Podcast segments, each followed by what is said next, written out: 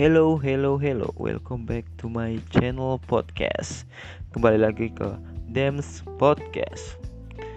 Pada kali ini, aku akan berbagi tentang bagaimana caranya beradaptasi dengan kebiasaan baru pada masa COVID-19. COVID-19 berada pada Indonesia ini, yaitu sekitar dari bulan Maret sampai sekarang itu kurang lebih sekitar 8 bulan. Itu cukup lama sekali tetapi sampai sekarang belum tahu ke depannya bagaimana cara mengatasi uh, pandemi COVID-19 secara efisien dan efektif.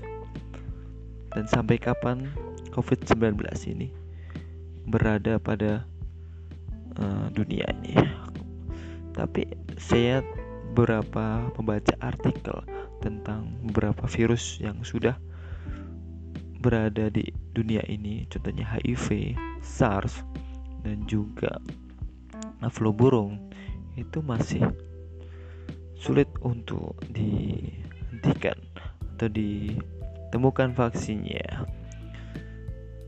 Itu tidak menutup kemungkinan COVID-19 juga akan sama seperti itu karena vaksin mungkin bertahan beberapa bulan atau beberapa hari tetapi dalam tubuh manusia itu berbeda-beda dalam menerima vaksin yang akan diberikan. Itu memang terbukti pada beberapa penelitian yang sudah dijelaskan bahwa setiap orang memang berbeda-beda dalam penerimaan vaksin. Ada yang menerimanya secara baik, ada yang malah lebih buruk kondisinya, ada yang eh, menjadi lumpuh tubuhnya dan juga ada yang menjadi autis. Itu uh, sangat ironis sekali saya lihat. Tetapi kembali lagi bahwa dalam adaptasi kebiasaan baru sekarang ini perlu melakukan beberapa hal untuk menjaga tubuh kita tetap fit dan juga tetap terjaga agar terhindar dari namanya COVID-19. Memang hampir 300 ribu lebih di Indonesia terkonfirmasi positif 19 tetapi tingkat penyembuhannya hampir 90% di Indonesia dapat uh, dinyatakan sehat. Tetapi kita harus menjaga tubuh kita agar selalu fit, memperhatikan pola makan, perhatikan uh, kebugaran yaitu dengan berolahraga, contohnya berlari, bersepeda, uh, treadmill, gym, renang, volley, sepak bola dan lain-lain agar tubuh tetap fit dan kita tetap bisa melakukan aktivitas seperti biasa.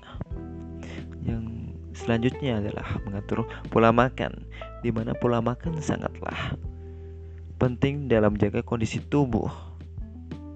Tetap memperhatikan sayur, tetap memperhatikan uh, protein, tetap memperhatikan uh, porsi lemak dan karbohidrat. Dan juga tetap memperhatikan uh, porsi yang kita makan agar kita tetap uh, berada dalam kondisi tubuh yang selalu fit.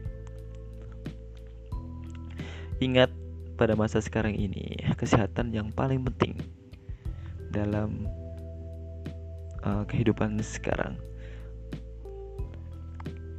Menjaga jarak dengan orang lain.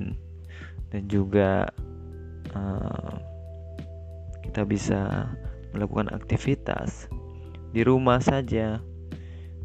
Dan juga kita tetap bisa berkomunikasi dengan orang lain melalui handphone. Itu tidak tidak itu menolong kita untuk selalu berkomunikasi dan melakukan pekerjaan sesuai dengan tupoksinya. Ingat semakin banyak yang menjaga jarak dan memakai masker dengan benar dan sering mencuci tangan dengan sabun, semakin cepat pandemi ini akan berlalu. entah sampai kapan uh, berlalunya tetapi kita selalu berdoa agar pandemi ini tetap uh, bisa uh, kita kontrol lah karena kita sekarang bergerak menuju masa adaptasi kebiasaan baru maka penting memahami apa artinya dalam kehidupan sehari-hari pertama-tama adaptasi kebiasaan baru merupakan proses bertahap yang tergantung pada situasi di daerah masing-masing. Memang menurut para ahli, situasi dapat berubah dengan cepat bila lebih banyak orang terkena COVID-19. Yang perlu kita pahami adalah adaptasi kebiasaan baru ini bukan berarti kembali ke kehidupan normal yang sebelumnya kita lakukan seperti biasa, tapi kita melakukan aktivitas yang ke depannya akan sedikit berubah dan tidak sama seperti sebelum pandemi. Apa saja yang bisa kita lakukan? Utamanya tetap di rumah dan hanya keluar bila memang benar-benar itu perlu. Ini penting, terutama bagi orang yang beresiko tinggi, termasuk orang lanjut usia dan yang memiliki riwayat penyakit jantung, tekanan darah yang tinggi, diabetes, dan paru. Siapa pun yang merasa sakit harus tetap di rumah dan mencari pengobatan bila gejala itu memburuk. Mungkin Anda merasa aman dan ingin kembali ke kebiasaan lama saat melihat banyak orang di pusat perbelanjaan atau restoran. Tapi itu hanya rasa aman palsu. Kita tetap harus berhati-hati, kita harus tetap menjaga diri, dan kita harus tetap waspada. Yang pertama, selalu gunakan masker saat keluar rumah. Kenapa? Karena kita mungkin membawa virus tapi tidak memiliki gejala atau hanya gejala ringan sehingga bisa menularkan ke orang lain.